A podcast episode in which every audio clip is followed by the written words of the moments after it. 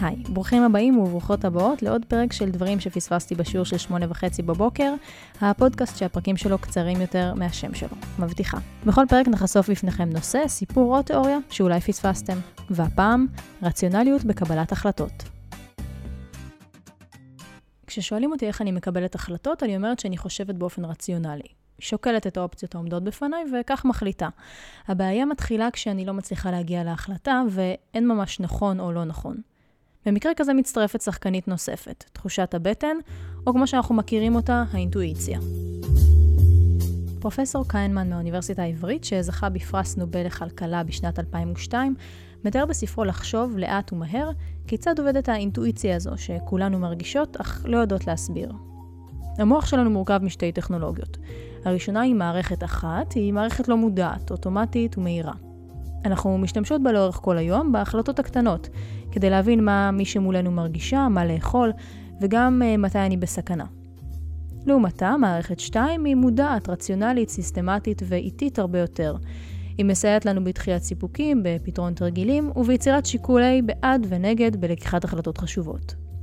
כשאנחנו מגייסות את האינטואיציה לפתרון של החלטות חשובות, אנחנו מגייסות את מערכת אחת לעזרתה של מערכת 2. אבל מערכת אחת, המהירה, מגיעה גם כשאנחנו לא קוראות לה לעזרה. היא משפיעה כל הזמן על מערכת 2 האיטית והרציונלית, כשהיא יוצרת אצלה רושם ברור מאוד של המציאות. אינטואיציות, כוונות ורגשות. כך שגם אותן החלטות מודעות ורציונליות שאנחנו לוקחות, מושפעות ללא הרף מהלא מודע.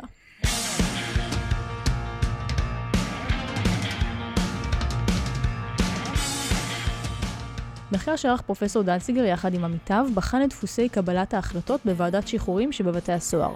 החוקרים נכחו במשך 50 יום בוועדות השחרורים, בהם נידונו מעל לאלף תיקי שחרור מוקדם.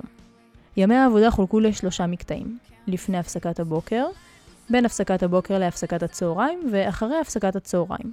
המחקר הראה כי בתחילתו של כל מקטע הסיכוי שתאושר בקשת השחרור המוקדם עומד על כ-65%, אחוז זה יורד בהדרגה עד שבסמוך לסוף המקטע הוא כמעט אפסי. בנוסף, במקטע השלישי של היום יורד הסיכוי לשחרור מוקדם ביחס לשני המקטעים הראשונים. אורך הדיון בכל תיק יורד במהלך היום, וככל שנידונים יותר תיקים באותו יום, הסיכוי לשחרור מוקדם יורד. כלומר, הסיכוי שהשופטים יאשרו שחרור מוקדם היה תלוי במידה רבה בזמן ביום. ככל שהשופטים עבדו זמן ממושך יותר ללא הפסקה, וככל שהשעה הייתה מאוחרת יותר, ירד הסיכוי שיאשרו את השחרור המוקדם. אז איך כל זה קשור למערכות שלנו?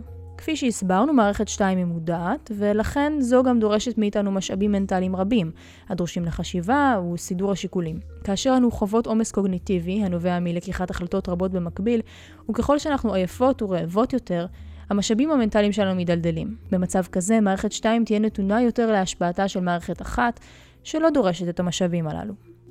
מערכת אחת האינטואיטיבית מושפעת יותר מרגשות, ותעדיף לקחת את ההחלטה הבטוחה ולהימנע מסיכונים. השופט לא יאשר שחרור מוקדם, שכן במקרה שהאסיר יחזור לפשע, השופט יצטרך להסביר מדוע זכה לשחרור הזה. אז מה אנחנו לומדות מכך? לפני לקיחת החלטות חשובות, כדאי שנישן טוב, ואולי גם נשתה איזה קפה עם מאפה ליד, ובנוסף, עדיף להתרכז בהחלטה חשובה אחת בכל פעם.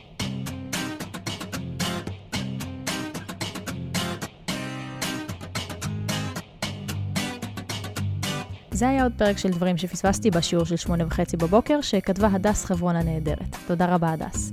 מקווה שלמדתם משהו חדש. נשמח לקבל רעיונות והצעות לפרקים הבאים, כי די בטוח שיש דברים שאנחנו פספסנו ואתם לא. אם אתם עוד לא עוקבים אחרינו, זה הזמן, כי יש מלא פרקים בדרך וחבל שתפספסו. אני מיכל פורת, נתראה בפרק הבא.